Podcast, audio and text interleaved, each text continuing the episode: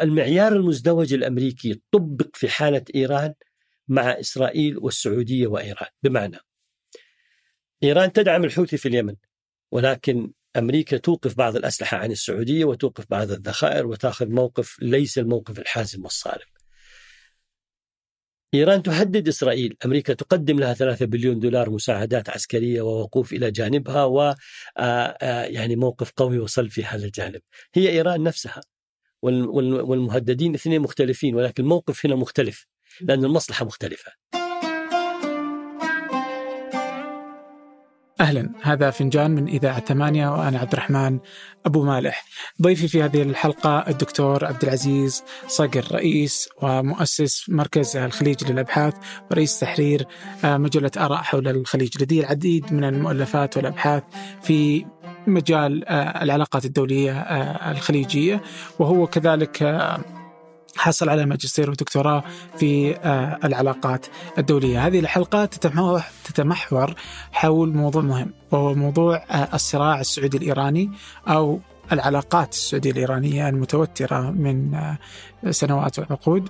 فكيف ممكن آه، المنطقة تهدأ؟ كيف ممكن آه، نجد نقاط مشتركة ما بين السعودية وإيران ليكون هناك فيها حالة صحية يعيشها الخليج العربي والدول التي تعيش حوله ومنطقة الشرق الأوسط. فالحديث في هذه الحلقة حول ما هي المصالح المشتركة اللي ممكن نتفق عليها؟ كيف ممكن دول مجلس التعاون الخليجي آه، أن تصل إلى شكل آه، يضمن لها مستقبل أفضل آمن سياسيا اقتصاديا امنيا آه، دور أمريكا برضو وانسحابها وإعادة موضوعها في منطقة الشرق الأوسط كيف ممكن ياثر صراع القوى العالمية الصين أمريكا روسيا وغيرها مع الصراعات الإقليمية عندنا إيران السعودية تركيا إسرائيل هذه كل الدول برضو آه، كل له آه، مطامعه وأهدافه. فهذه حلقة آه، يعني مهمة حقيقة واحدة من الحلقات المهمة بالنسبة لي في سلسلة حلقات فنجان. قبل أن نبدأ أود منكم مشاركة الحلقة سواء على الرسائل لأحد ما تعتقد أنها تهمة أو على شبكات التواصل الاجتماعية كذلك اقترحوا ضيوفا تساعدونا في هذا الموضوع حقيقة. آه، أو حتى مواضيع على بريد البرنامج فنجان ثمانية دوت كوم. أما الآن لنبدأ. يا أهلا وسهلا أبو أحمد. حياك. الله يعطيك العافية. وياك آه يعني النقاش في ذي في ذي المسألة بالنسبة لي ودي أفهمها أكثر. هي منطقة آه ما أدري إذا أقدر أسميها صراع سعودي إيراني ولا أيا يكن آه، الحوار ولكني ودي أفهم صدق آه، إيران والسعودية والمنطقة كيف بتكون أوكي؟ آه فببدأ من مقالتك في 2019 آه كتبت مقالة مع المتحدث الرسمي باسم البرنامج النووي الإيراني. سابقا. إيه آه في نيويورك تايمز. إيه؟ وكنتما تدعوان إلى حوار بين الدولتين. okay؟ ف وأنا أقرأ المقالة جالس أقول صدق يعني آه ليش أصلا ممكن يكون في حوار وش الحوار اللي ممكن يكون بين السعودية وايران؟ دولتين لها وزنها في المنطقة ودولتين كبيرة وعظيمة. هنالك نقاط تجمعها وهنالك نقاط لا تجمعها، ما أبغى أقول تفرقها ولكن في نقاط. أنا إذا افترضت أن هنالك أربع مرتكزات أساسية في العلاقة السعودية الإيرانية أو بيلرز نسميه أعمدة أساسية في العلاقة. واحد خليني أقول الجانب الأيديولوجي. المملكة ترى أن الإسلام واحد وأن جزيرة العرب بها مكة والمدينة في المملكة العربية السعودية وأن هنالك طوائف أخرى هي اعترفت بقمة مكة اللي حدثت بكل الطوائف الأخرى في في الجنة سواء الشيعية أو السنية الأباضية الزيدية كلها تم الاعتراف بالطوائف هذه كلها وهي موجودة ضمن هذا فهو المملكة لا يوجد لديها حساسية من حيث الطوائف ولكن ترى أن الإسلام واحد. إيران ترى أن الإسلام طائر بجناحين شيعي وسني. فالمملكة تمثل الجانب السني وإيران تمثل الجانب الشيعي. فهذه نقطة أساسية هنا كيف تتحرك الجانب الأيديولوجي فيما يتعلق بالطرفين وتحركاتهم. النقطة الثانية النظام الحو... نظام الحكم. إيران ترى أنها جمهورية إسلامية. تمام. المملكة نظام ملكي. تمام.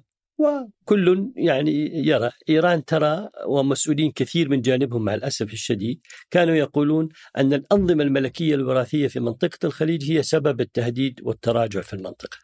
فهنالك أيضا تباين فيما يتعلق في كيفية التوجه الفكري تمام في أنظمة الحكم فيما يتعلق بالجانبين.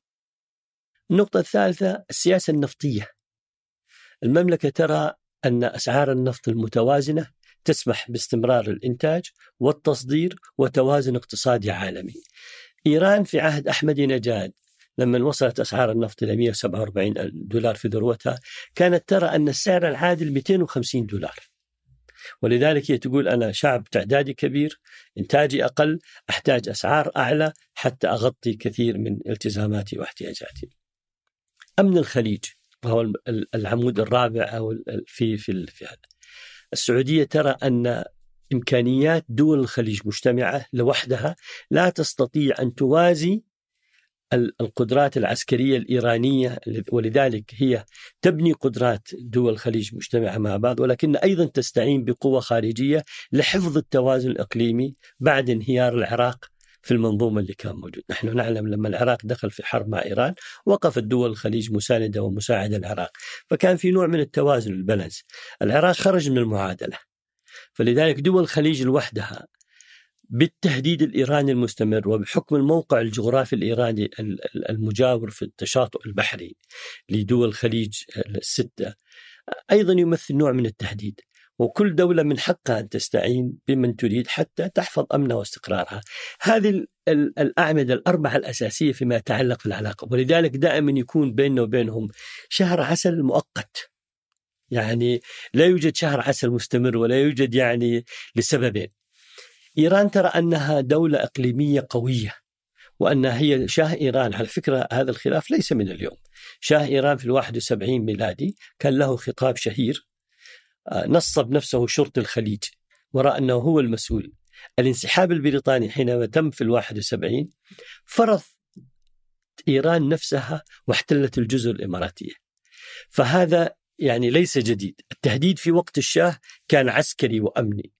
التهديد في وقت آه، يعني حكم الثورة الإسلامية في 79 جاء مكملا ببعد أيديولوجي فاستخدمت العنصر الطائفي للتوسع وبسط النفوذ في الدول اللي هي تريد أن تتواجد فيها، فلذلك التهديد ليس من اليوم، التهديد استراتيجي وقائم. هي ترى أنها شرطة الخليج. هي مسؤولة عن أمن آه، هي لا تريد تواجد آه، آه، قوى دولية في في منطقة الخليج. ويظل هذا الصراع يعني مستمر فيما بين الأطراف. الآن بالنسبة للحوار اللي انت يعني تفضلت فيه حوار المملكة وإيران. المملكة آه، رحبت بمقدم الثورة الإسلامية الإيرانية ونتذكر في ذلك الوقت الملك عبد الله رحمه الله حينما كان نائب ثاني زار إيران. آه، أيضا لما بدأت إيران تمثل تهديد وبدأت إيران تتكلم عن تصدير الثورة الإيرانية وبدأت إيران تتدخل في الشأن الداخلي الخليجي والعربي هنا كان يجب أن نقف موقف واضح.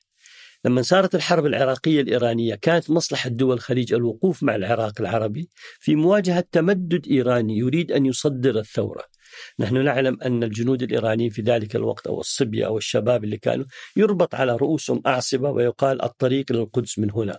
يعني لازم تمر عبر خرم شهر وعبادان والمناطق هذه إلى البصرة ومنها إلى القدس. كان هذا تحفيز للشباب الإيرانيين في ذلك الوقت. وهذا غير صحيح لأن إيران تمتعت بعلاقة في فترة الشاه مع إسرائيل كبيرة وأيضا خلال فترة الخميني في علاقة خاصة مع إسرائيل حينما كانت تحتاج إلى قطع الغيار والأسلحة تصل إلى إيران. ونحن كلنا جميعا نتذكر موضوع إيران كونترا في ذلك الوقت كذا. في الحوار لم تقطعه المملكة ولم يعني تطلب بهذا ولكن ما قطع الحوار بعد 2016 تقريبا هو احتلال المتظاهرين وحرق السفارة السعودية والقنصلية السعودية في إيران. فهنا كان لابد أن تقطع المملكة علاقتها قبل هذا في 2001 حينما كان هنالك حكم مقبول ولا, ولا أقول معتدل مقبول في إيران في عهد الرئيس رفسنجاني تمام؟ وقعت المملكة اتفاقيات أمنية منها تبادل المجرمين منها حرس الحدود والحماية الشواطئ الجريمة المنظمة اتفاق أمني نظم العلاقة.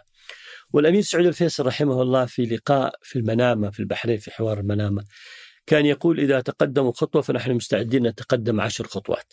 نحن نريد يعني عراق مستقر وإيران آمنة سالمة بمعنى مسالمة لنا تمام ويمن مزدهر لأن هذه المعادلة مهمة بالنسبة لنا. هذه الثلاثة دول في منظومة دول الخليج نريد هذه الثلاثة دول أن تكون بيننا وبينها مع الأسف إيران أخذت مبدأ التغلغل تصدير الثورة استخدام البعد الطائفي التواجد دعم الميليشيات الوصول إلى كل هذه الوسائل بوسائل مختلفة. ما يمكن للمملكة بمسؤوليتها العربية والإسلامية والدولية أن تقف مكتوفة الأيدي. لكن دائما وعلى فكرة خطاب خادم الحرمين الشريفين حفظه الله الأخير الأمم المتحدة في هذه الدورة من أسبوعين تقريبا كان في شهر سبتمبر هو ذكر لمح على أننا نريد السلام والأمن والاستقرار للمنطقة. إذا المطلوب تغيير السلوك الإيراني. أنت لا تستطيع أن تصل إلى منظومة أمنية في منطقة الخليج جيدة دون تغيير السلوك الإيراني. السلوك الإيراني لوحده بهذه الطريقة وبهذا الأسلوب اللي هو اتبعه يمثل تهديد يمثل تهديد بحري يمثل تهديد أمني على المنطقة يمثل تهديد على المنصات النفطية يمثل تهديد باستخدام البعد الطائفي وإبراز النعرات في المنطقة. يعني كل هذه أنواع تهديد وهو مستمر في هذا الخط هو لم يقف. يعني اليوم ولذلك إحنا لما دعينا في ذلك الوقت أن يكون الحوار الحوار على مبدأ بأجندة واضحة وليس حوار من أجل الحوار كما تريد إيران. إيران تريد الحوار من أجل الحوار حتى تقول أنا تحاورت مع السعودية، حتى تقول نحن لدينا خط مفتوح، السعودية تريد وضوح في هذه الأجندة وما يطرح السعودية تريد أن أن تسحب إيران سياستها التدخلية والتوسعية، السعودية تريد أن تزدهر إيران اقتصاديا في الداخل. وكان بالإمكان أن تقدم المملكة مساعدات كبيرة لإيران وفي مساعدات إنسانية لم تتأخر المملكة لا في وضع الزلازل ولا في وضع الأوبئة اللي صارت كانت المملكة دائما سباقة في هذا النوع لأننا نفرق ما بين النظام السياسي في المملكة الموجود في إيران واللي يتبع هذه السياسة وما بين الشعب الإيراني وهو شعب مسلم عريق له يعني آه، موزايك في في آه، قومياته وفي يعني طوائف وكذا ولكن في نفس الوقت شعب جار وله حضارة ولا بد أن نتعايش بأمن وسلام في منطقة واحدة. هذا الشعب وهذا الازدهار وهذه الشخصية إحنا نقدرها ونحترمها في المملكة ولكن ما نحن على تباين واختلاف فيه هو استخدام ال ال ال النظام الحكم في إيران الأسلوب والطريقة التي يريد أن يبرز فيها ثورته التي يسميها الثورة الإسلامية ويبرز فيها لكن في نهاية المطاف حقيقة هي رغبة في السيطرة وفرض الهيمنة. م. يعني حتى قد نتحدث ونتطرق للبرنامج النووي. إيران لا تريد هي, هي ليست بحاجة فعلية إلى برنامج نووي ولكن هذا البرنامج النووي يعزز من مكانتها الاستراتيجية حتى تستطيع أن تفرض نوع من الهيمنة. ففرض الهيمنة تاريخي وليس جديد. الرغبة في التوسع هي أساس وضمن الفكر الأساسي الإيراني المطروح. التمدد والتوسع يعني أنا أتذكر أحد المسؤولين الإيرانيين يقول إني أرى خط الأنابيب. من آه، آه، عبادان إلى طرطوس. فهو يريد يقول خرجنا من المياه الشرق المتوسط وسوف نعود إليها. طردنا منها مرتين ونريد أن نعود إليها. فعودتهم إلى سوريا والتواجد في لبنان من خلال حزب الله. واستخدام العراق كممر مهم هذا ضمن الفكر الاستراتيجي الإيراني. تمام؟ ولا يخرج عنها. تمام. أنا صدق أني ودي أخذ منظور الطرف الآخر بس أني ماني بقادر. اللي هو منظور الإيران فأنت تعطيني منظور السعودية. بس ماني قادر ألقى المنطقة اللي أفهم منها تحرك إيران.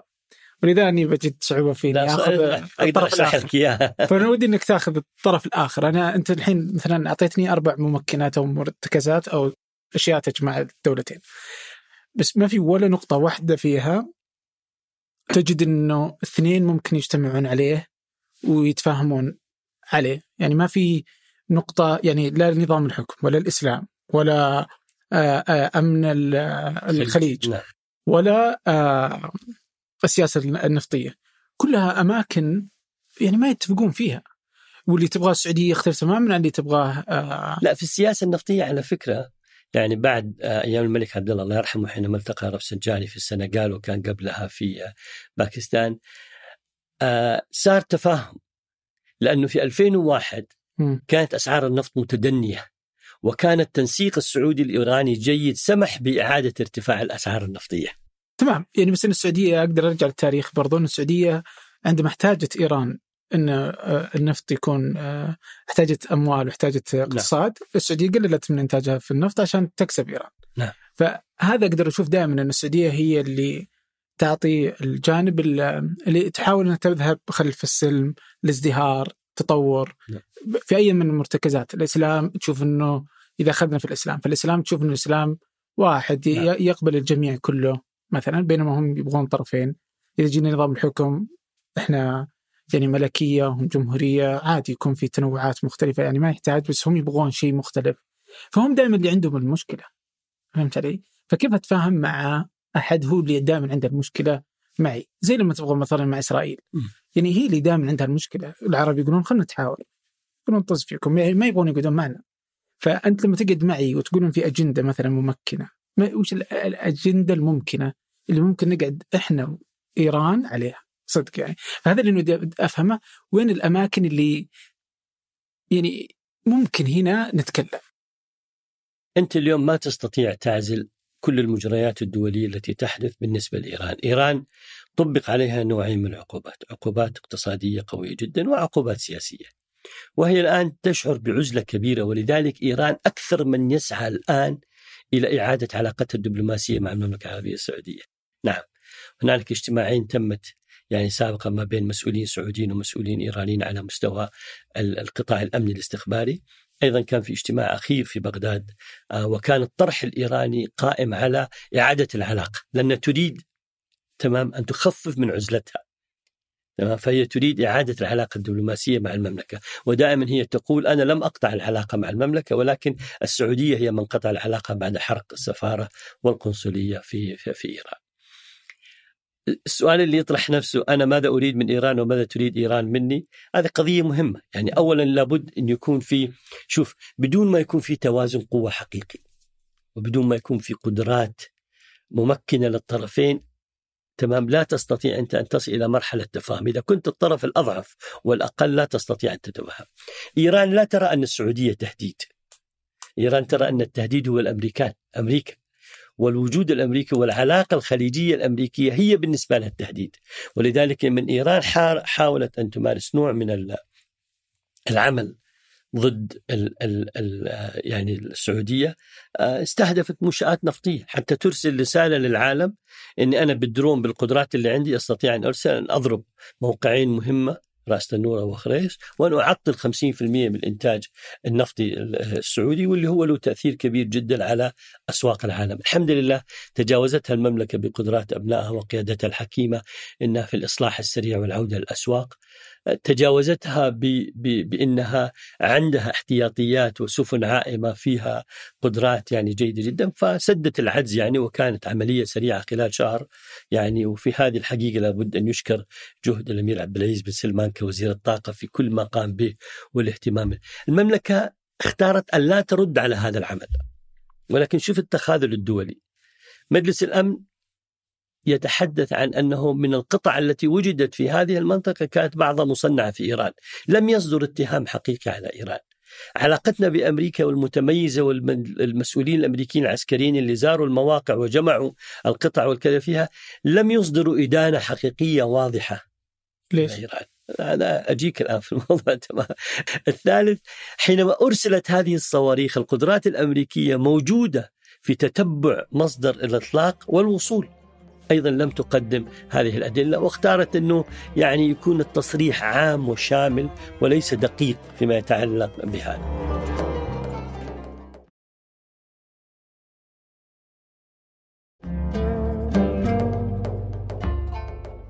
وهذا طرح سؤال مهم جدا بالنسبة للمملكة.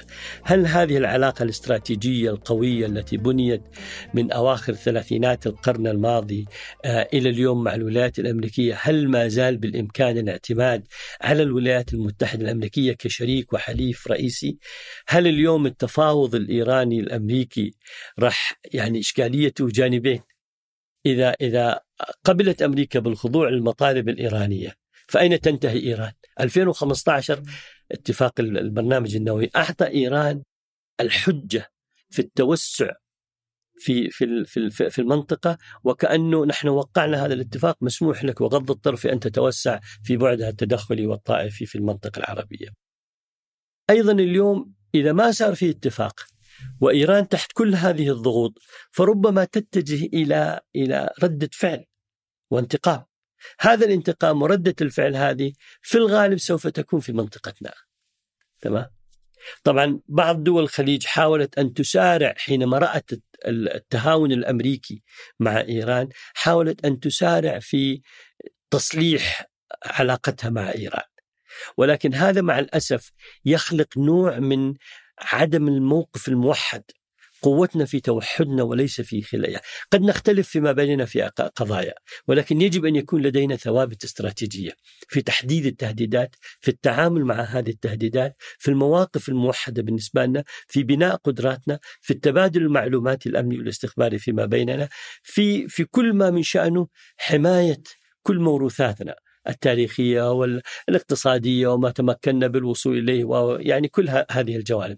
هذا كلام لن يأتي بإنعزالية طرف عن بقية الأطراف. لن يأتي بانفصال طرف. يعني اليوم قطر أعيد لها موقع أفضل في التفاوض الدولي لأنها عادت إلى البيت الخليجي. بعد قمة العلا وبعد التصالح الخليجي الذي صار عادت قطر لتمارس نوع من الوساطة الدولية والتدخل في بعض الملفات ولعب دور في أفغانستان. لعبت دور مهم جدا. ولكن هذا الدور ما كان ممكن يكون قوي لقطر دون أن يكون البيت الخليجي موحد فيما مو كان قبل اتفاق العلا؟ لا البيت لا يعني قطر كانت معزولة وكان في دول رافضة. لا بس قصد اتفاق آه، وساطتها مع طالبان وأمريكا. لا وساطتها مع طالبان صحيح ولكن دورها الأقوى. والممارسة الأقوى هي يعني الولايات المتحدة وقتها والمملكة يعني جمعت طالبان عندها وبنت وحتى حينما كانوا طالبان في الحكم المملكة جمعتهم في مكة المكرمة ودخلوا الحرم والكعبة المشرفة وأقسموا اليمين وكان ولكن مع الأسف بعد عودتهم عادوا إلى اختلافات فيما بينهم وعادوا إلى وضع معين. لكن على كل أنا اللي أقصده أنه أي دولة خليجية بأي عمل تريد أن تقوم به هي أقوى حينما تكون موحدة. وحينما تكون قوة واحدة. هي أضعف حينما تكون يعني لوحدها في هذا صحيح. وهو السبب اللي خلى أصلا تشكل مجلس التعاون آه، اللي هو علشان آه، التهديد خطر الأمني. إي الإيراني. يعني ليس فقط أنا اعتقادي إنه أو العراقي. يعني أنا بالنسبة لي لما أسست مركز الخليج للابحاث كان لي مقولة مشهورة. قلت إن هذا المجلس قام. لأسباب ودوافع سياسية وأمنية، بقاؤه واستمراره حق من حقوق أبنائه لا يجب التفريط فيه، لأني أنا من المؤمنين بأن وحدة هذا الخليج بين أبنائه يجمعنا أكثر بكثير مما يفرقنا. فهذا نقطة أساسية جدا. صحيح هو قام لأسباب سياسية وأمنية في ذلك الوقت. ولكنه نمى وتطور ووصل إلى العقد الرابع الآن الحمد لله رب العالمين. وما زلت يعني أراهن على استمراره. ما زلت أراهن على استمراره بغض النظر من كل التحديات اللي واجهتها الأربعين سنة الماضية. من الثورة الإيرانية الحرب العراقية الإيرانية غزو الكويت إلى 11 سبتمبر إلى الغزو الأمريكي للعراق فيما بعد الربيع العربي. كل هذه التحديات التي واجهتنا ولكن مع هذا استمر المجلس. حكمة وحنكة من قيادة سياسية. تقارب في الأنظمة شعوب يجمعها الكثير تمام؟ المصالح الاقتصادية دمجت فيما بيننا فلذلك اليوم يمكن من التكتلات القليلة التي لها وضعها جيد. طبعا هنالك سؤال مستقبلي يطرح نفسه. هل هذا التكتل لوحده يستطيع أن يستمر أو أنه لابد أيضا أن ينظر خارج حدوده؟ بمعنى الآسيان نموذج في آسيا. هل الآسيان اليوم إحنا 69% من صادراتنا و68% من صادراتنا هي إلى آسيا، فآسيا تمثل الثقل الاقتصادي المستقبلي لدول الخليج، ولكن ما زال الغرب يمثل الثقل العسكري الأمني لدول الخليج، أين نتجه؟ طبعا هذا موضوع بحث أنا أتوقع يعني في سؤال في سؤال قبله. تفضل. قبل التوسع، هل أصلا هذا التكتل فعال؟ أنا شخصيا أعتقد إنه فعال، يعني حتى وإن كان البعض يرى إنه آه، ما في هذيك الفعالية، يعني أبسط مثال لما غزا العراق الكويت هذا هذا التكتل الخليجي قام بالدور الأكبر وساهم المساهمة الكبرى سواء عسكريا امنيا اقتصاديا الدعم المادي سداد التكلفة. يعني هذا هذا واضح يعني تمام هل كان خليجي ولا؟ لا لا مجلس التعاون الخليجي كان في ذلك الوقت صحيح إنه في تحالف دولي. مم. تمام. السعودية قادت السعودية بذلت الجهد، السعودية رأت أن الكويت جزء لا يتجزأ منها وأن أي تهديد لأي شبر في دول الخليج هو تهديد لكل دول الخليج، وهذا مبدأ أساسي في دول مجلس التعاون. فأنا لا أنا قناعتي إنه عشان كذا أقول قد نختلف في بعض القضايا، قد نختلف في بعض التوجهات، قد نختلف في بعض تفسير المواقف، ولكن في البعد الاستراتيجي الاساسي اللي له علاقة بنا في المنطقة ما يجمعنا أكثر مما يفرقنا. صحيح. على فكرة أنا أنا دائما أحترم أن يكون كل دولة لها علاقة لها مفهوم سيادي لها. يعني البعض اعتقد إنه الإمارات والبحرين في في في في بناء علاقة دبلوماسية مع إسرائيل هذا خطأ، أنا أقول هذا حق سيادي لهم.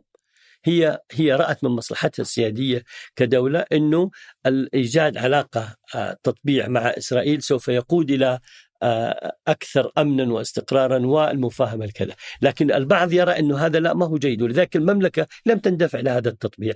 ما في مشكلة بس إنه إذا إذا إذا كان إذا كانت العلاقات الخارجية وتحديد العدو والصديق ما كانت مفترض إنها تضم تكون ضمن هذا التكتل فوش اللي يكون ضمن التكتل صدق؟ الجمارك يعني لا البعد الاقتصادي مهم جدا ما تستطيع أن تتجاهل. لا, لا يعني مثلا لا. المقاطعة مثلا السعودية تقاطع إيران ومعظم دول الخليج عندها علاقات اقتصادية مع إيران. لا ولكنها أيضا وقفت مواقف جيدة يعني سحبت سفراء خففت من خففت يعني بس إنها مجاملات ما هو ب أيوة. وش اللي أنا أتوقع من مجلس إذا كنت تقصد تكتل إنه التكتل يتوسع؟ خله يضبط أتوقع بعدين يتوسع.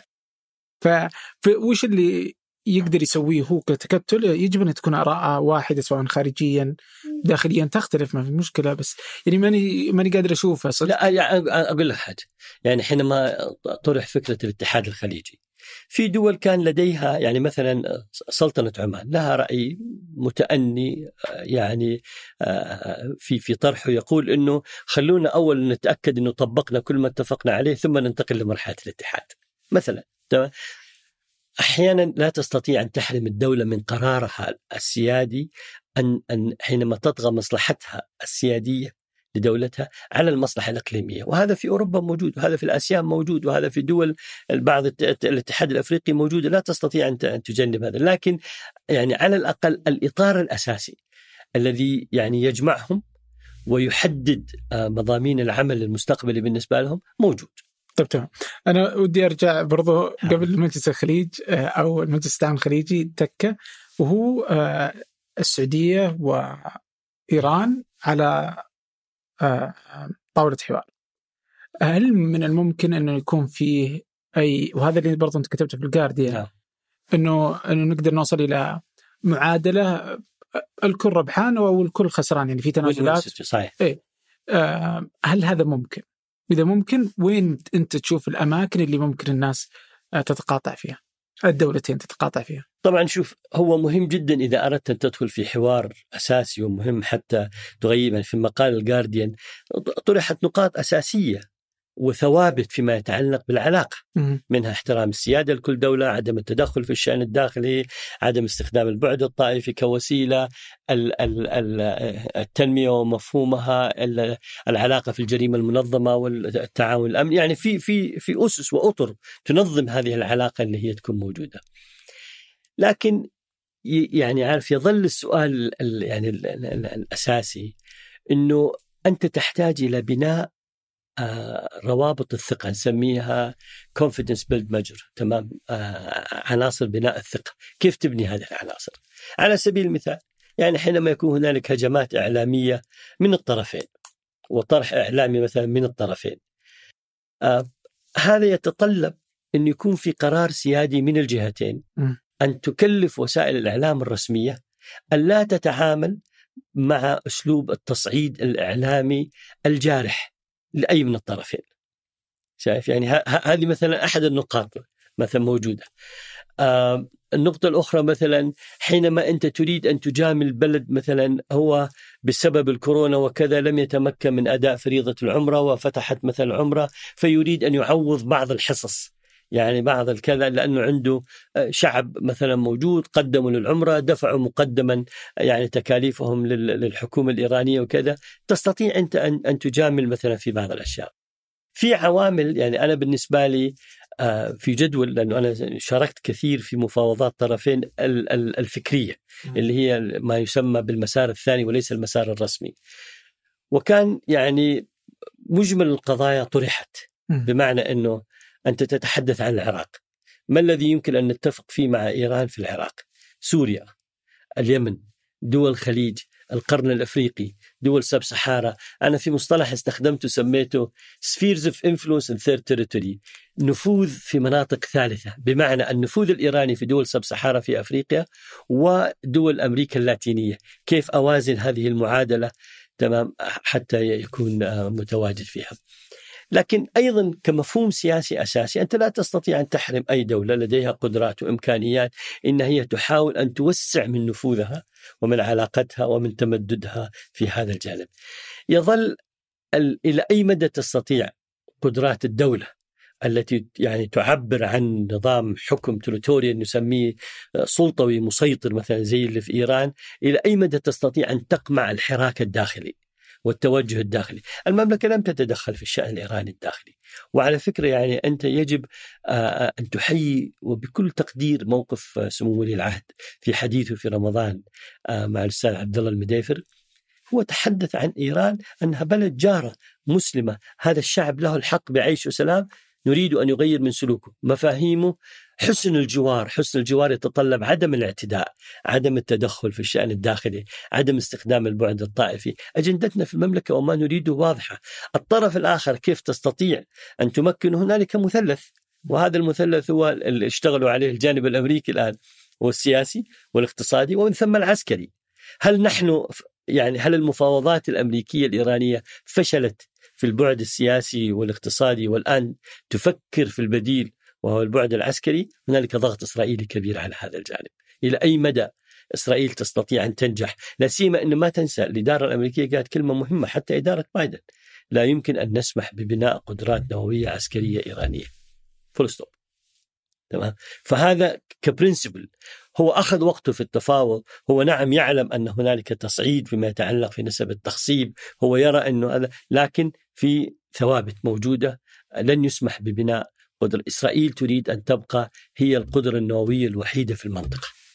وإسرائيل تستخدم علاقتها القوية مع الجانب الأمريكي عودة للجانب السعودي الإيراني يعني نحن نرى أن إيران وقعت اتفاقية ال NPT حظر أسلحة الدمار الشامل. هي موقعة عليها وقبلت بال additional protocol البروتوكول الإضافي. ولها ارتباطاتها مع المنظمة الدولية ومفروض أن تعطي المنظمة الدولية الحق في التفتيش دون قيد أو شرط في هذا الجانب. لكن المجتمع الدولي أين يقف؟ هنالك تخاذل في المجتمع الدولي مع الأسف بمعنى وليش؟ يعني ليش التخاذل؟ لأنه برضه هو كان نفس السؤال أي. تجاه آه، هجوم إيران على كويس. المناطق النفطية السعودية. أنا إذا أفكر خارج الإطار وخارج الصندوق وكراي شخصي م. أنا أشوف إنه الولايات المتحدة لها ثلاث أجندات مهمة أساسية معنا في في السعودية والمنطقة.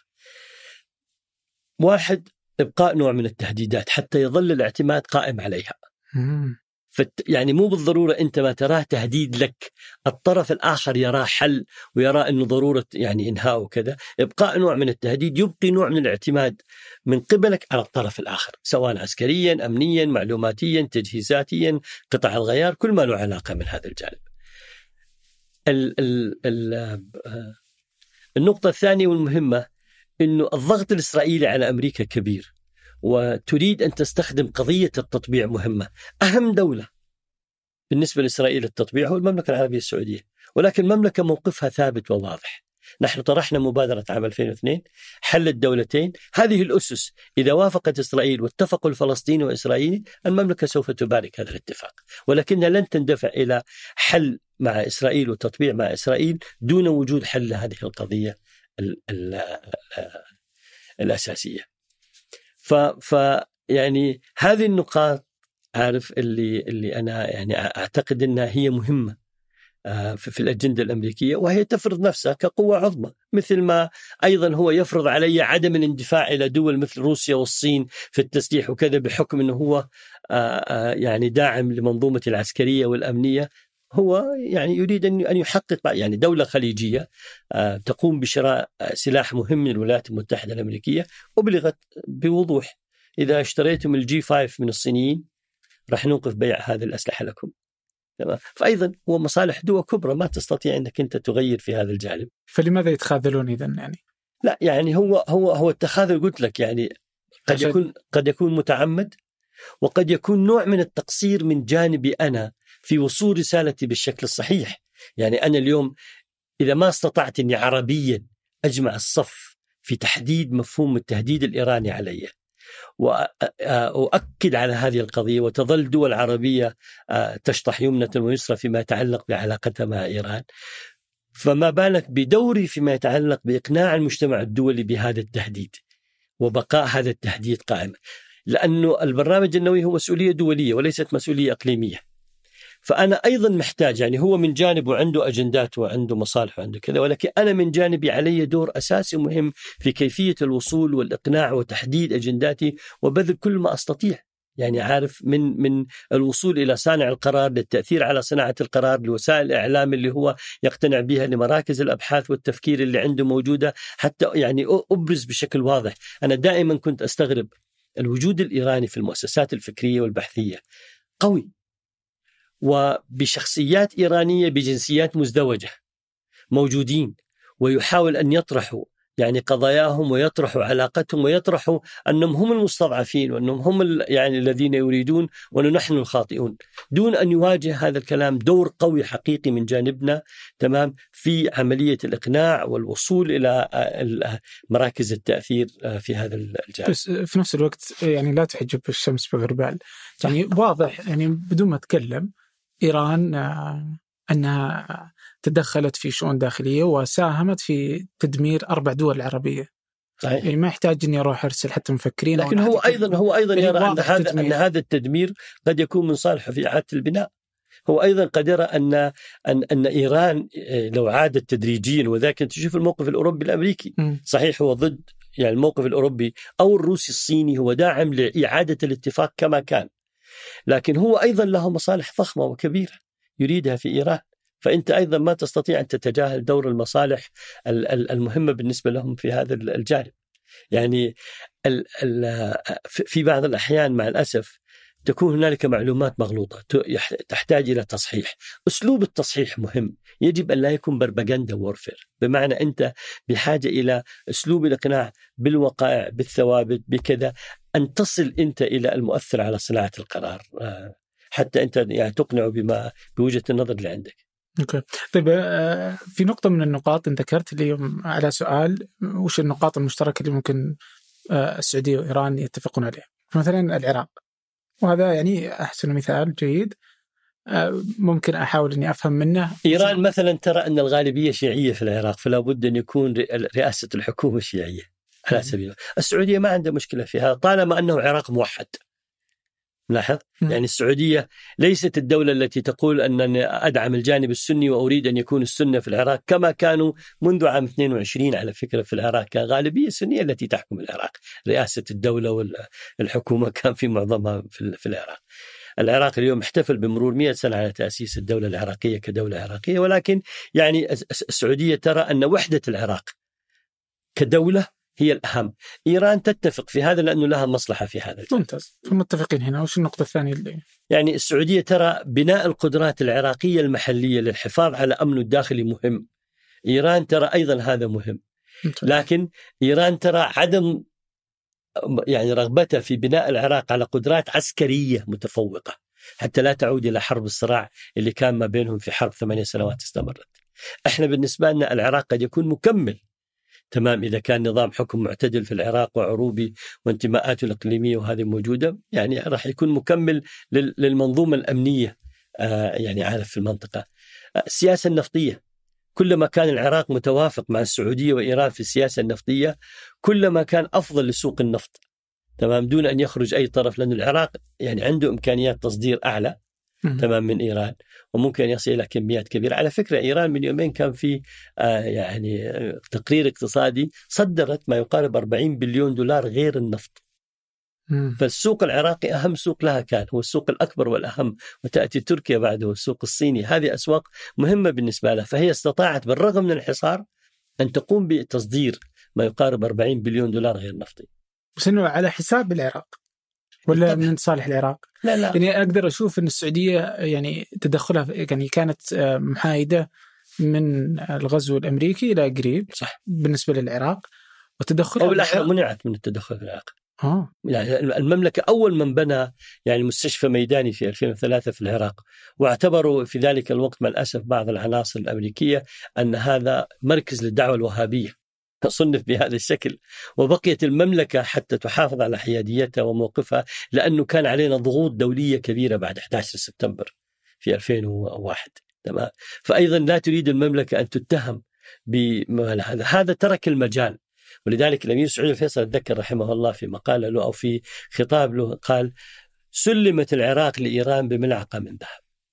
كان أتذكر في بعد لقاء له في الأمم المتحدة في في نيويورك في أحد المراكز البحثية أعتقد Council of Relation مجلس العلاقات الخارجية الأمريكية هو قال هذه الكلمة أن أمريكا سلمت العراق لإيران ملعقه جاهز تفضل.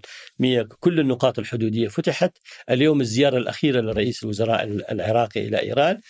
أجاز دخول العراقي الإيرانيين بدون تأشيرات خلاص بدون تأشيرة بين العراق وإيران هذا راح يسمح بنزوح ولذلك وشاهدنا في التلفزيون النزوح الإيراني على الحدود واضطروا الجهات الأمن العراقية أن ترشهم بالماء حتى تمنعهم من هذا الاندفاع الشديد لأنه بالنسبة لهم يريدوا أن يهربوا مما هم فيه في إيران، الوضع الاقتصادي تعيس في إيران وسيء ويعاني مشاكل كبيرة وضغوط دولية كبيرة أيضا.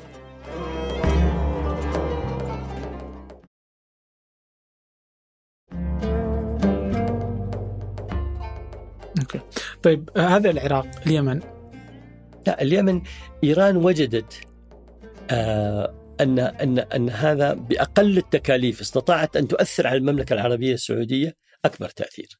مم. هي دعمت طائفة محددة يعني أنا أتذكر إلى 2015 ما كان في علاقة قوية بداية لأن هم دخلوا الحوثيين إلى صنعاء في سبتمبر 2014 إلى 2015 أنا بالنسبة لي يعني في في في ذلك الوقت لم يكن لديهم تنظيم حقيقي أو وضع أو أو أو كذا وكذا. آه لكن إيران وجدت أنه هذه بؤرة جيدة نستخدم البعد الطائفي لنا علاقة مع الزيدية نطور هذا الجانب وندعم بالتدريب والتأهيل والتسليح إلى حد ما. وهنا أيضا كان في تخاذل دولي لما كانت الأسلحة تمر والصواريخ والتجهيزات العسكرية تصل إلى إلى أياديهم فين المراقبة والستلايت والمتابعة؟ حينما أرادت القوات الأمريكية أن تتابع بعض المجرمين في نفس السيارة حددت الجنب الأيمن في الضربة لأن الشخص كان جالس في هذا الجنب وليس في هذا الجنب. يعني. فيعني لديها القدرة العسكرية والستلاتية والمعلوماتية أن تكون موجودة. اللي إيران استخدمت اليمن ورقة مساومة. تمام؟ هي هي كانت يعني وقتها منزعجة من الدور السعودي في سوريا وهي بالنسبة لها سوريا أهم في ذلك الوقت. ولكن لما دخلت اليمن وجدت تكلفة بسيطة بالنسبة لها وتكلفة عالية بالنسبة للمملكة لأن المملكة أيضا تريد أن تحافظ على الأرواح وعلى البشر هي لا تريد قتل جماعي هي لا تريد نسب بهذا الشكل. هي أرادت أن تدمر بعض القدرات القدرات العسكرية التي كانت موجودة أرادت الأساس في إعادة تهديد إعادة الشرعية. التهديد اليمني بالنسبة للمملكة هو على فكرة يعني البعض يعني لخبط فيه هو أمن استراتيجي وطني. لا يمكن المساومة عليه. هي 1450 كيلو حدودية. هي بالنسبة لي في المملكة هذا ما يحدث في داخل الحدود اليمنية له تأثير كبير. ولذلك استمرت مع الأسف المعارك إلى اليوم لأنه ما زال في تخاذل دولي ودعم إيراني ورغبة من المملكة في الحفاظ على أرواح البشر بأن لا يكون هنالك دمار أو قتل يعني بالطريقة اللي كان يقولها وش كان دور السعودية في سوريا لإزعاج إيران؟ دعم المعارضة السورية. مم. أنا تشرفت بأني كنت آه، آه، أدرت حوار المعارضة الاجتماع الرياض في 2015 و2017 تمام؟ المملكة وقتها كانت ترى أن التدمير اللي قام به بشار الأسد ضد شعبه ومواطنيه آه، دعمت المعارضة السورية. وإيران تحججت بوجودها في سوريا بأن الأسد طلب منها ذلك. ودخلت مع الأسف روسيا في سوريا في فترة انتهاء الانتخابات الأمريكية بين الرئيس أوباما والرئيس ترامب في ذلك الوقت وتواجدت بحجة الطلب السوري منها. لكن أنا اعتقادي أن سوريا ملف يختلف. سوريا في أصبح مدون. لم يعد بالإمكان الحل السوري السوري ولا الحل العربي السوري ولا الحل الإسلامي السوري ولا الحل الأوروبي فاصبح دولي، الوجود الأمريكي الروسي التركي الإسرائيلي الإيراني فرض حل دولي. خارج النطاق وخارج قدرة أي طرف من الأطراف في الوقت الحاضر. طيب آه برضو في مقالتك في الجارديان كنت تقول إنه آه إن الدولتين تتشارك نفس الهدف وهو إن كلا البلدين يتهم الآخر. بالهيمنة والتدخل في الشؤون الداخلية آه لدول ذات السيادة مثل اليمن العراق سوريا م. لبنان. آه شلون نقدر نشوف آه، يعني وبرضه في وزير الخارجيه الإيراني كان يقول آه، في في تصريح له إنه على السعودية إنها تتوقف عن التدخل في الشؤون الداخلية للدول الأخرى مثل من يعني؟ وش نوع التدخل السعودي؟ هو هو مع الأسف هذا الخلط الإيراني اللي بيحدث، إيران ليست دولة عربية وليست عضو في الجامعة العربية وليس من شأنها التدخل في الشأن العربي، إيران استخدمت البعد الطائفي حتى تستطيع من خلاله التدخل والتجييش اللي حاولت، زرعت خلايا في الكويت وفي البحرين وفي السعودية، أوجدت التدخل عبر الطائفية في اليمن، في سوريا، أوجدت التدخل مع حزب الله ودعمه كعناصر بهذا الجانب، فهي رأت أنه هذا تمدد بالنسبة لها. أما السعودية ترى أن هذه بلاد عربية أنا ما السعودية لا يوجد لديها مطمع لا اقتصادي ولا سياسي في أي دولة من هذه الدول. دائما كان مطمعها الأساسي والأمن والاستقرار والازدهار والرفاهية ولذلك أنت بلد تنفق أكثر من 130 مليار دولار دعم ومساعدات لكل دول العالم تساند فيها بالذات الدول المحتاجة. هي تريد السلام والأمن والاستقرار هذه رسالتها وليس رسالتها هو التدخل في الشأن الداخلي. التدخل يصبح حينما يكون هنالك عنصر خارجي يريد أن يفرض. التدخل في هذا البلد العربي يصبح غير مقبول بالنسبة لنا. لأنه هذا العنصر الخارجي في بعض الأحيان يعني كنا نفهم بعض المصالح الدولية. يعني حينما يكون في قاعدة بحرية أمريكية في البحرين الأسطول الخامس مثلا موجود هذه مصلحة وطنية ومصلحة إقليمية فيها توافق فيما بين الدول يعني ولا يوجد في هذا لكن حينما تأتي إيران بتشكيل ميليشيات لأن إيران رفضت أن تتعامل مع الدول كمنظومة دول هي تعاملت مع الميليشيات حتى تستخدمها لغرضين. الغرض الأول إما لدعم نظام خارجي هي تحتاجه مثل ما دعمت حزب الله حتى يدعم نظام بشار الأسد في البقاء في السلطة أو للتأثير على نظام قائم مثل ما أثرت على النظام الرئاسي في لبنان في هذا الجانب. فهي دائما تستخدم هذه العناصر تجندها تدربها تؤهلها تمكنها اقتصاديا تستخدم كل هذه الوسائل حتى تتمكن من هذا الطرح اللي هي طيب الحين أنا يعني في نقطة ودي أرجع لها عشان أبغى أشوف إذا أنا فهمتك. آه في هل في مصالح مشتركة سعودية إيرانية؟ يعني بالتأكيد المصلحة المشتركة لو كان في أمن واستقرار في الخليج بس راح يخفض. السعودية تبغى استقرار آه إيران ما تبغى استقرار. لا إيران تريد هيمنة. إيران تريد هيمنة. من خلال؟ من خلال انها هي المسؤولة. لا لأن هي المسؤولة وهي اللي تفرض أجندتها وهذا كلام غير مقبول بالنسبة للسعودية. يعني أنا لا يمكن أن أقبل أن تفرض إيران هيمنتها وأجندتها في المنطقة باستخدام كل وسائلها وأذرعها. أنا بالنسبة لي ما زالت يعني أنت اليوم لو أجمعنا كم تصريح إيراني صدر. القدرات الإيرانية في إغلاق مضيق هرمز. م. أنا لم أهدد مرة واحدة أنا بالعكس أنا أنا اليوم مصلحتي أن أبني خط أنابيب. للنفط من حقل شيبة إلى البحر العربي عن طريق عمان لأنه التهديد الإيراني يأتيني في في مضيق هرمز. تمام؟ هي التي صرحت هي التي تحدثت عن التهديد في هذا الماء السعودي لم تتحدث عن التهديد. ولكن هذا برغم فرض الهيمنة الإيرانية التي تريدها هي وأن تكون هي المسؤولة. أنا قلت لك أنه في الواحد وسبعين إيران رأى نفسه أنه شرط الخليج وأنه هو المسؤول عن أمن الخليج. في ذلك الوقت هو انغر بما يسمى بالتون بيلرز بوليسي الأمريكية في عهد نيكسون كان في سياسة المحورين المزدوجة أو العمودين المزدوجة.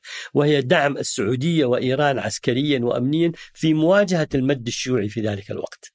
ووصول محاولة الاتحاد السوفيتي في الوصول للمياه الدافئة. طيب فيعني هذا بواحد ولا وش؟ كيف؟ لأنه ما هو استقراء الهيمنة. أيوه. هل هي مصلحة مشتركة ولا مصلحة لا هي مشتركة؟ ليست مصلحة مشتركة. هو هو تهديد هو- مشترك. هو تهديد مشترك. ولكن يعني أنا اللي أقصده إنه لو إيران غيرت من سلوكها فما يمكن أن وش يجمع السلوك؟ السلوك هو عدم الهيمنة. وعدم التدخل في الشأن الدائم يعني اليوم طيب خليني أرجع- الهيمنه ليست جزء من الأشياء؟ الرئيس روحاني على فكرة في خطابه في نيويورك في 2019 طرح ما يسمى ال- ال- ال- ال- مبادرة هرمز. هنالك ثلاث مبادرات للأمن المنطقة على فكرة طرحت. هو طرح أحداها. وارتكز على محورين أساسية. أنا أعتقد أن محورين مهمة جدا عدم التدخل وعدم الاعتداء. لكن إيران لا تريد بالرجوع للوراء. إيران لا تريد أن أن أن تسحب أي تدخلات لها موجودة في الشأن الداخلي ال- التوسع. هي تريد أن أبدأ من اليوم. أنا أتجاهل ما حدث في كل المنطقة وأبدأ من اليوم. فيما يسمى آه طبعا هذا طيب. ممتاز يعني إنه يبون ينسحبون من العراق لا لا وسوريا؟ لا لا لا لا يبغى سوريا هو يبقى اليوم يعني من اليوم أنا يعني هو عدم التدخل وعدم الاعتداء تمام هو مفهومه من اليوم ولذلك يعني أنا كنت أضحك يعني كنت أقول في ظاهرها جميل ولكن هو أراد أن يوصل رسالة إلى العالم إنه إحنا هذه هذه إيران، الروس طرحوا مبادرة طبعا مرفوضة امريكيا لأن لا يمكن أن تقبل أمريكا مبادرة وش كانت. مبادرة الروس؟ يعني قائمة على أسس ت- توازنات إقليمية آه، يعني معينة. آه، الأوروبيين عندهم طرح له علاقة بالأمن البحري لأنه يهمهم كثير بهذا ال- الجانب.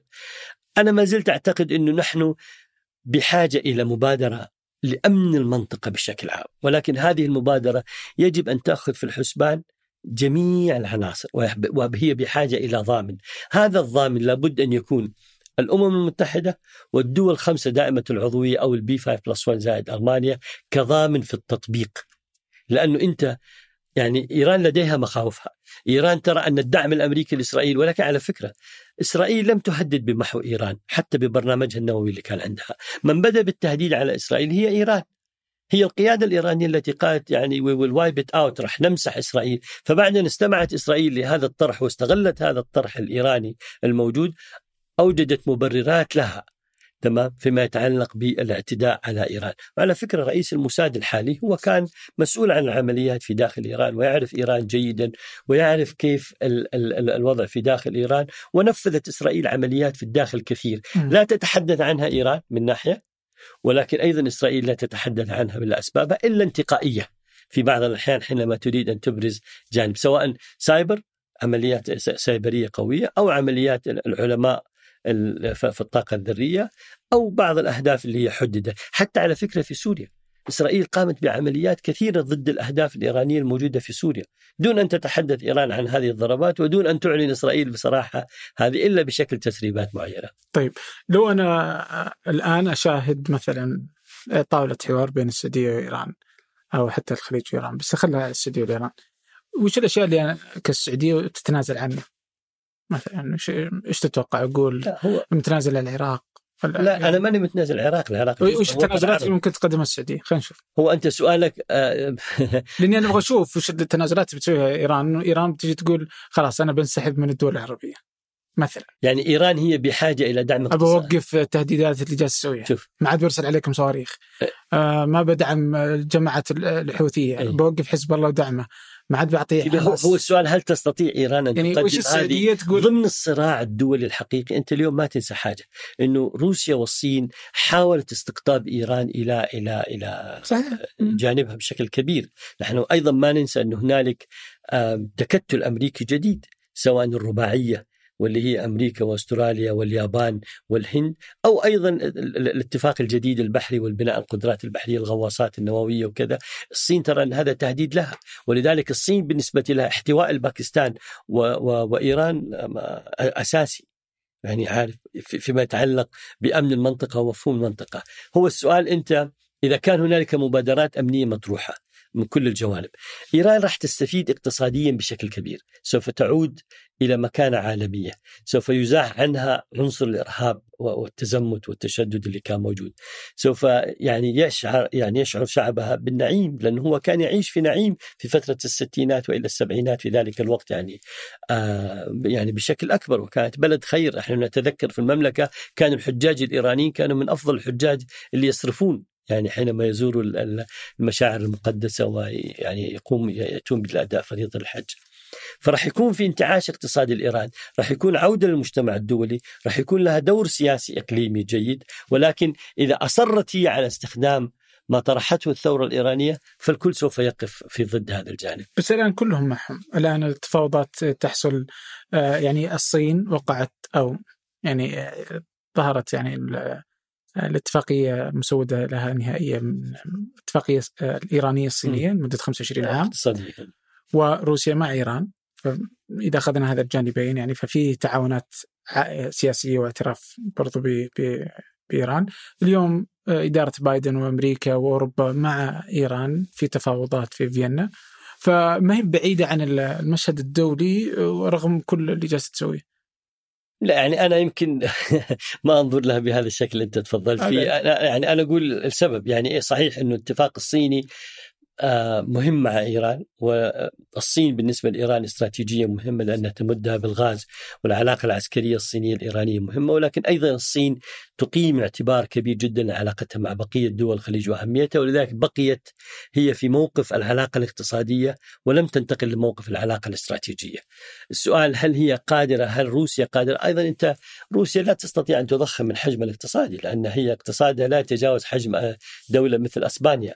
الفاعل الحقيقي ما زال يعني شئنا ما بينه هي الولايات المتحدة الأمريكية فيما يتعلق بمفهوم أمن المنطقة تمام؟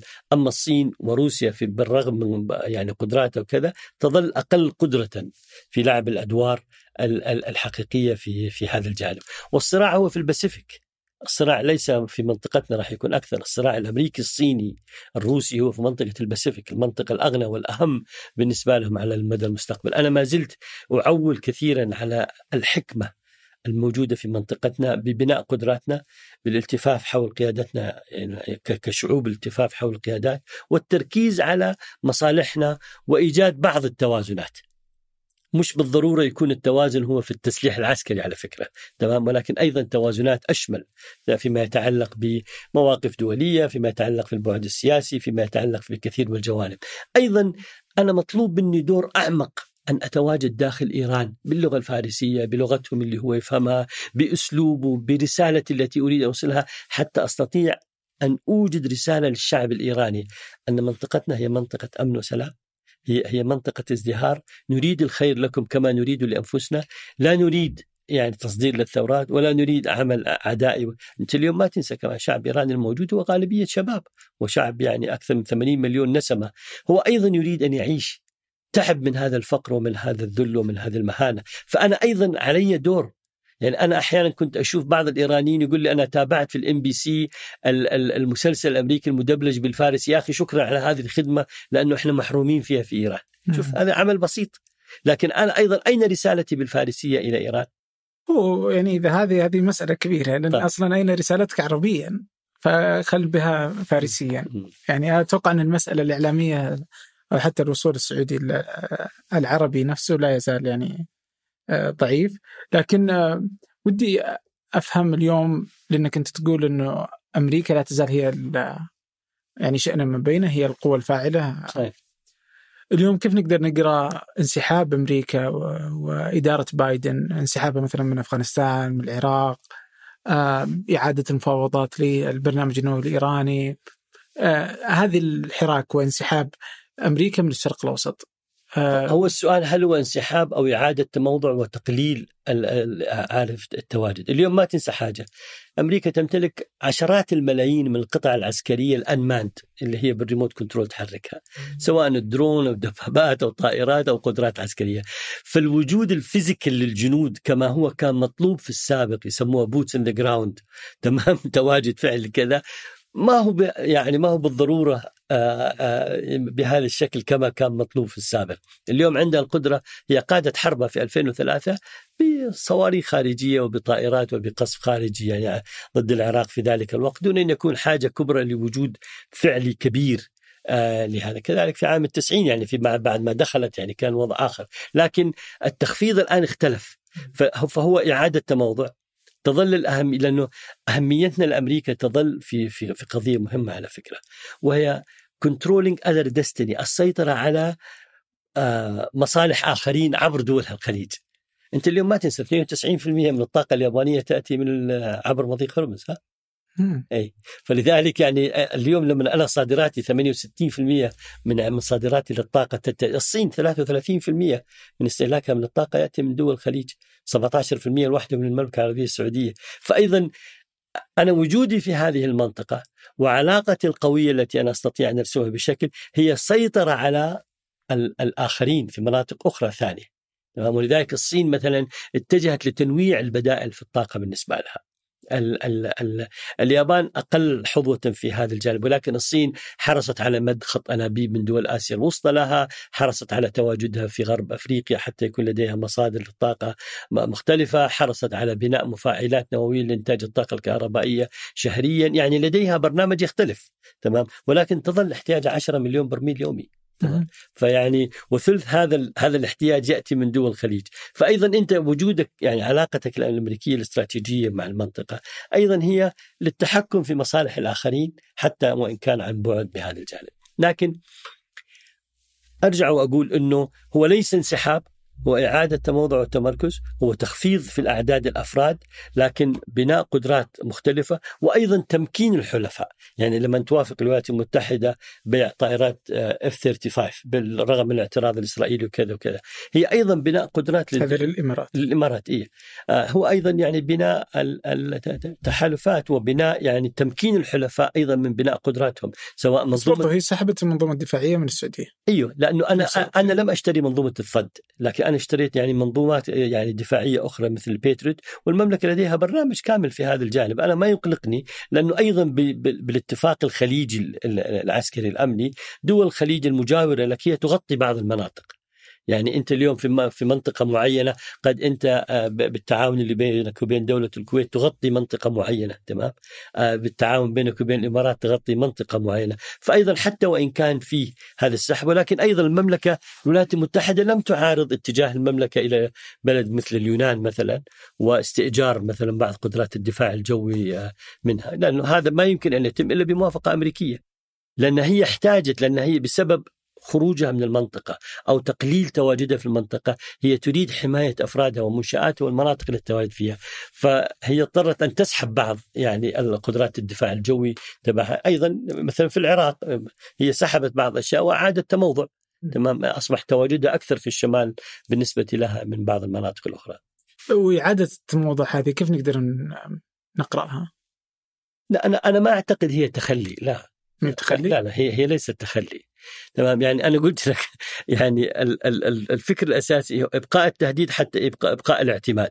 ولكن الاعتماد هنا يعني اليوم أنت تتذكر صفقة المشتريات العسكرية السعودية من أمريكا في في عهد الرئيس ترامب تجاوزت 120 مليار دولار يعني تمام؟ كانت معظمها في أربع شركات أمريكية. لكن أنت ذكرت أيضا الانسحاب من أفغانستان. أنا بالنسبة لي على فكرة الانسحاب من أفغانستان بالرغم إنه جاء مفاجئ لكثير ولكنه قرار مطروح من السابق. يعني بدأ الحوار فيه في عهد الرئيس أوباما قرروا الرئيس ترامب ونفذ الرئيس بايدن. هذا من ناحية. ال ال ال فيه يعني عدة سيناريوهات حول الانسحاب الأفغاني كيف يكون البعض. مدرسة ترى أن هذا الانسحاب هو مخطط له مسبقا ومقبول لأنه الخروج الأمريكي من أفغانستان راح يجعل الدول المحيطة بأفغانستان في مرحلة قلق شديد بما فيها الصين وروسيا وهذه أحد طرق المواجهة حينما يكون في اضطراب داخلي وصراع قبلي داخل أفغانستان وتدخل خارجي تمام راح يعيد الاضطراب لأهم ثلاثة دول هي هند والصين وروسيا أيضا بما في ذلك إيران لأنه إيران اليوم لم يعد النظام الموجود آه، في في كابول حليف لها أو لها علاقة جيدة فيه. يعني اليوم حركة طالبان لها أجندة مختلفة مع إيران وترى إنه في يعني نقاط أساسية مع إيران. فهو يعني البعض قد يرى إنه انسحاب آه، آه، له أهداف أبعد على المدى البعيد وزيادة التكلفة على الأطراف الثانية. يعني اليوم أمريكا تدعم حركة الإيغور في الصين هل هو حبا في المسلمين ولا كرها في الصين وإيجاد حراك داخلي يعني ثاني اليوم في خبر أن أشخاص من حركة الإيغور في كندا اشتروا كنيسة ويريدوا أن يحولوها إلى مسجد ومعبد وكذا، من الذي يدعم هذا التوجه؟ الجانب الأمريكي هو حريص على هذا يعني عارف هذا الجانب عدو عدوي صديقي. التقت المصلحة الأمريكية في وجود حركة طالبان في أفغانستان تمام؟ آه، مع مصالحها لأن عدو عدوي صديقي فإذا استطعت أن أن أستخدم يعني طالبان آه، في في مواجهة بعض الأعداء التقليديين بالنسبة لي وتأثير على منطقة حتى تكون أكثر اضطرابا، إحنا ما ننسى إنه أفغانستان هي في تقع في منطقة 4.7 بليون نسمة موجودين فيها ودول الجوار المحيطة آه، جغرافيتها جدا مهمة لا تستطيع أن تتجاهلها. لكن طالبان أعلنت برضو انه حليفها الأقوى هي الصين. لا هي هي تريد أن تكون الصين حليف لها هي لسه على فكرة الصحافة الصينية بعضها ذكر إنه بعض الإيغور وحركاتهم تدربوا عليها الطالبان ولهم علاقات مع طالبان وطالبان لا يمكن أن تسكت عن وضع الإيغور. أنا بالنسبة لي أشوف إن هي راح تثير هذا الجانب بشكل أو بآخر. على كل هو ما زال يعني نسميه بريمتشود آه، غير ناضج الآن التكهن بكيف راح تكون العلاقة حركة طالبان آه، وكيف حينتقل هو إلى نظام آه، وكيف حيستطيع أن يبني دولة وكيف حتكون له العلاقة. طالبان دولة فقيرة بحاجة لمساعدات اقتصادية كبيرة إلى علاقات أوسع وأكبر وأهم. طيب آه، بالعودة إلى إيران وإعادة الموضوع الأمريكي للمشهد هل من الممكن أن أمريكا أو المشهد أو المجتمع الدولي أن يرضى بمنطقة خليج؟ نووية لأنه إذا حصلت إيران على النووي كما صرح الأمير محمد بن سلمان برضو كذلك أن السعودية ستحصل على النووي فاذا كان في هذا الصراع النووي في الخليج هل بيرضون فيه كمجتمع دولي؟ التهديد الفعلي في منطقة الخليج هو الأسلحة التقليدية والقدرات التقليدية الإيرانية وليس النووية، لأنه بالنووية تستطيع أن توازيها. كيف. وعندك ثلاث خيارات. إما أن تقبل أن يكون هنالك مظلة نووية. وسبق ان طرحتها كلينتون آه، هيلاري كلينتون لما كانت وزيره خارجية في زيارة لها في آسيا قالت إنه we are willing to provide an umbrella نحن مستعدين نقدم مظلة. لم تكن نووية ولكن هو هذا ما يفهم منها. وش لأنها قدمتها الولايات المتحدة لألمانيا وقدمتها لليابان لحمايتها بعد الحرب العالمية. فيعني وش نقصد فيها المظلة؟ القدرات على حماية المنطقة هذه بقدرات نووية أمريكية، يعني physical presence وجود قدرات نووية أمريكية في المنطقة هنا لحمايتها من أي تهديد نووي. ممتاز. هذا واحد. الخيار الآخر أن بالتدريج تبني أنت قدراتك وهذا يحتاج إلى سنوات طويلة. علماء وفيزيائيين وتخصيب واليورانيوم وتخصيبه وكل القدرات يحتاج إلى مدى. الخيار الآخر واللي هو أيضا مطروح نسميه الدول يوزج الاستخدام المشترك. بمعنى أنت عندك صواريخ بعيدة المدى. آه، تحتاج إلى رؤوس نووية. فممكن يكون استخدام مشترك. أنت ودولة صديقة لك تمام؟ آه، نسميها الاثنين لازم يضغطوا الزر في وقت واحد. ولكن في قدرة موجودة عندك باستخدام مشترك من قبل باتفاق بين الدولتين هذه لردع أي تهديد نووي يمكن أن يكون. فلذلك هذه الثلاثه خيارات يعني فيما لو كان هنالك. لكن أنا ما زلت أعتقد بالرغم إن إيران تقدمت في نسبة التخصيب ووصلت لأكثر من 60% إلا انه المنطق أنا هنا أتحدث عن المنطق مش عن الواقع لأنه هنالك بعض الأحيان آآ آآ لسبب لأنه القناعة الدولية أنه لا الهند ولا الصي ولا ولا باكستان ولا إسرائيل لم تعبر عن أي تهديد نووي لإيران فالحاجة ليست موجودة. تمام ولكن بالنسبة لإيران هذه ضمن استعراض عضلات القوة في المنطقة وفرض الهيمنة والإرادة والانفراد هي تريد أن تقول أنا مالكة لقدرات نووية فأنا الآن أكثر تهديدا وقدرة فيجب أن يتم التحاور معي من منطوق ومنظور مختلف طيب آه، إذا على الجانب الآخر بدون النووي في القوى العسكرية التقليدية زي ما نعم. ذكرت آه، كان فيه الدكتور خد تخيل في واحدة من الحلقات السابقة نعم. ذكر أنه أن الخليج معطين إيران أكبر من حجمها وأنها ضعيفة عسكريا. لا هي لا هي ضعيفة في بعض القدرات صحيح. يعني هي مثلا الطيران بالنسبة لها ضعيف لانها لم تمكن من الأسلحة المتقدمة مثلا فيما يتعلق ولكنها قوية في نظام الصواريخ. هي بنت قدرات صاروخية عالية عندها موجودة. هي أيضا بنت قدرات بحرية فيما يتعلق بالزوارق المفخخة والسريعة والخليج صغير مياهه صغيرة يعني ما يحتاج إلى بوارج يعني كبرى حتى يمثل. فهي في قدرات عندها جيش كتعداد موجود. تمام؟ أنا لم يكن لي حدود مع إيران بس وجود النفوذ الإيراني القوي في العراق أصبح يهدد حدودي البرية بوجود عناصر موالية لها سواء من ميليشيات أو عناصر متسترة أو متجنسة أو أيا كانت أصبح يهدد بالنسبة لي آه، الأمني في هذا الجانب. فهو صحيح إن في قدرات ما عندها لم تكن مثلا موجودة ولكن في قدرات هي استطاعت أن تبنيها حتى وإن كان التصنيع ليس جيد ولكن بنت قدرات عندها. يعني لا نستطيع أن ننكر أنها بنت هذه القدرات. التضخيم هو ما هو من صالح أي طرف، التضخيم ضخم الجيش العراقي في في قبل يعني في وقت غزو الكويت بأنه القوة الكذا والقوة الكذا ولكن حقيقة لم يكن بهذه القدرات يعني. أوكي، لكن يعني إذا أخذنا هذا اللي عندهم واللي عندنا هل هي قوة متكافئة؟ ولا هم اقوى مننا؟ لا إحنا ممكن نكون متقدمين عنهم فيما يتعلق بالقدرات الجوية. م. تمام إحنا ما زلنا بحاجة إلى منظومات الدفاع الجوي الأمريكية حتى نستطيع أن نغطي أنظمة الدفاع الجوي اللي عندنا موجودة. ما عندنا قدرات تصنيعية مثل ما عنده هو قدرات تصنيعية. القدرة البشرية والتعداد البشري فيما يتعلق إذا تحدثنا عن قوات برية أو سلاح مشاة أو كذا عنده أعلى من عندي. يعني اللي, اللي أقصده أيضا لا أعتقد إنه هو بهذا الحماقة إنه يتجه إلى مواجهة عسكرية مع المنطقة. هو لو قام بأي عمليات راح يقوم بعمليات محددة مضرة في المصالح. يعني بمعنى هو مثل ما استهدف المنشآت النفطية سوف يستهدف منشآت محددة. بالنسبة له هي أكثر ضررا تمام وتأثيرا من أن يقود حرب. لأنه هو يعلم لو دخل في حرب مواجهة مع أمريكا هو لن يكون كاسب فيها. تمام؟ إذا دخل في حرب مواجهة مع دول الخليج العالم سوف يقف مع الجانب الخليجي آه، في في هذا الجانب. لذلك هو لا يريد ولكن يريد ما يسمى آه، أهداف محددة تمام؟ تمس وتحدد ضرر أكبر على على دول المنطقة. ممتاز. طيب إذا ودي أفهم السياسة الإيرانية لماذا يعني تقوم مثلا إيران بهذا؟ يعني وش الهدف اللي تملكه أو تهدف إليه؟ يعني ودي أفهم الدوافع لإيران في هذا السلوك في المنطقة؟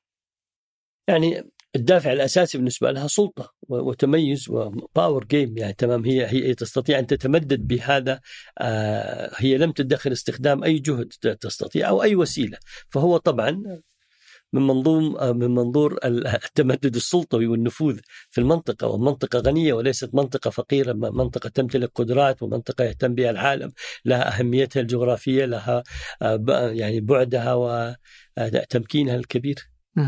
طيب بس يعني إذا برضو ناخذ يمكن ال 100 سنة الماضية. ما كانت علاقتها بالخليج جيدة؟ يعني سواء كانت مع الشاه ولا مع الثورات الإسلامية أو الثورة الإسلامية يعني كلها لا تزال نفس نفس النمط. كيف ممكن نفهم؟ ولكن ما تنسى كان هنالك عشان كذا نسمي يعني قلت اللي هو نيكسون دكترين توين بيلرز اللي هي من الاثنين المزدوجة. السياسة الإيرانية آه، يعني أيضا آه، أو أو بالنسبة في يعني في السابق الدور الأمريكي كان أساسي في الحفاظ على عدم خروجها عن الخط. تمام؟ أي في الفترة الماضية. الآن أيضا هنالك أعباء التمدد له أعباء وله تكلفة ولا تستطيع أنت أن تغطي كل هذه التكاليف آه، يعني في التمدد. آه، بريطانيا لما شعرت بانه تواجدها خارج حدودها الجغرافية آه، سبب لها كلفه وأعباء ولا تستطيع بدأت تنسحب وتتراجع. فهو أنت في دول وحضارات تقوم وتنتهي يعني تمام. والقدرات لا يمكن استمرارها بخط لا نهاية. اعتماد هل ممكن أن إيران تعتمد على على الصين؟ أو على أمريكا لأنها برضو هي يعني واحدة من الأشياء اللي هي تروج لها الحين إن لا شرقيه لا غربية. فكيف آه، تقدر تتعامل مع أنا اعتقادي الحيادية صعبة جدا في هذا الوقت. يعني الحياديه أنت لو دولة زي سويسرا صغيرة ومحاط بجيران يعني خمسة دول محيطة ممكن يكون عندك نوع من الحيادية إلى حد ما. لكن يعني الحيادية بمعناها الشمولي من الصعب.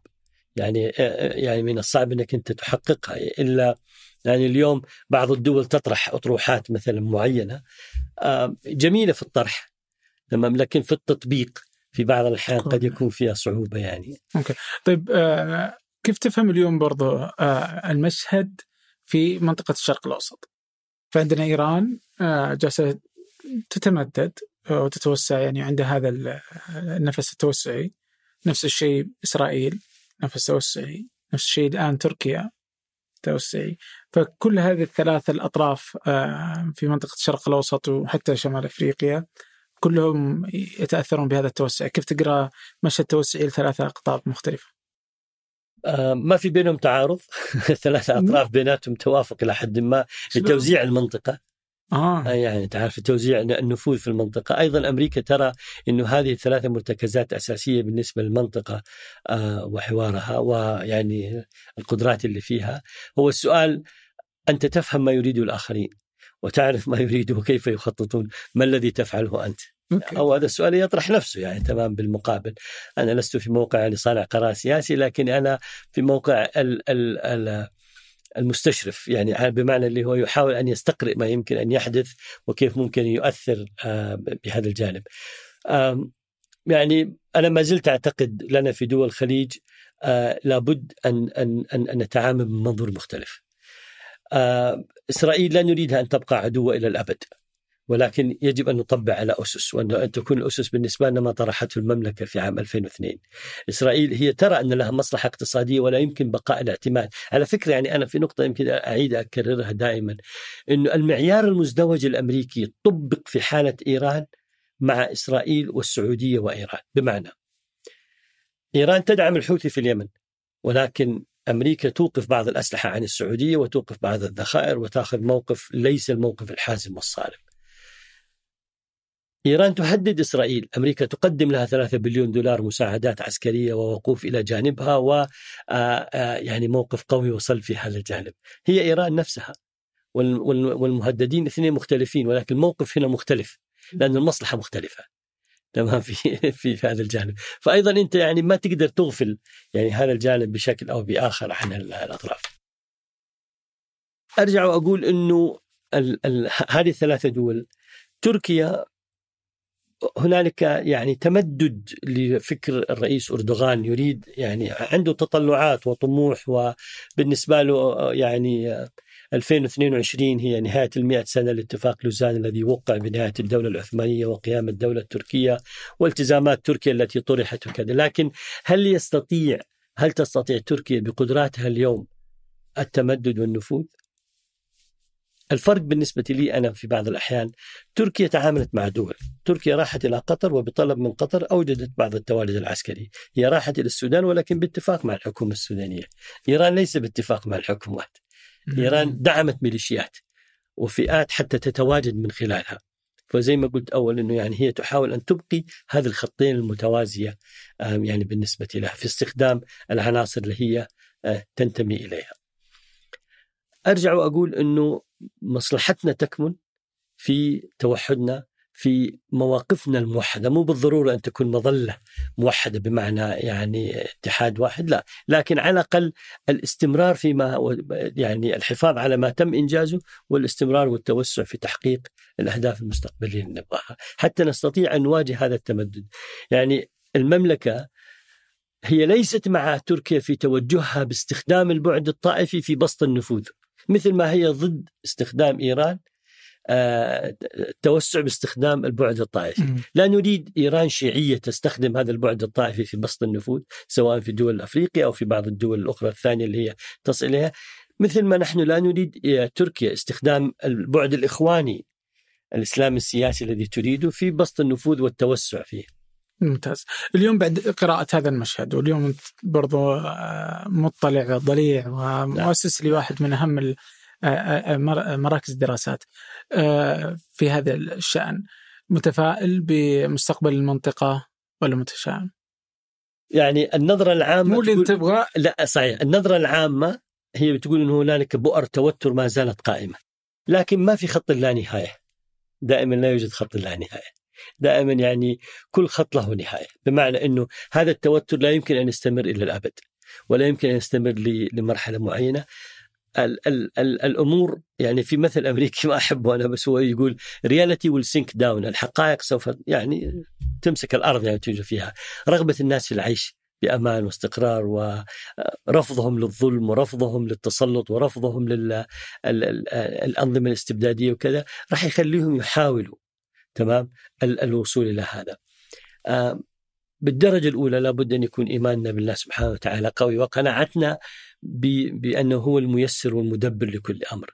تمسكنا بقيادتنا هذا قضية مهمة جدا، أي خلاف أو اختلاف في وجهات النظر هنالك آلاف الوسائل اللي أنت تستطيع أن تقدم منها وجهات نظرك ونقاط الاختلاف اللي عندك موجودة ولكن الحفاظ على على اللحمه، الحفاظ على الوطن، الحفاظ على مقدراته ومكتسباته، ما عندي شك أن الكثير ينظر إلينا بعين الاستغراب، يعني أنا أجوب العالم يعني ما بين مراكز بحثية ومحاضرات ولقاءات دولية وكذا، دائما يستغربون كيف أنتم استطعتوا في السعودية أن تحققوا كل هذه القفزات وكل هذا الإنجاز وكل هذا النجاح.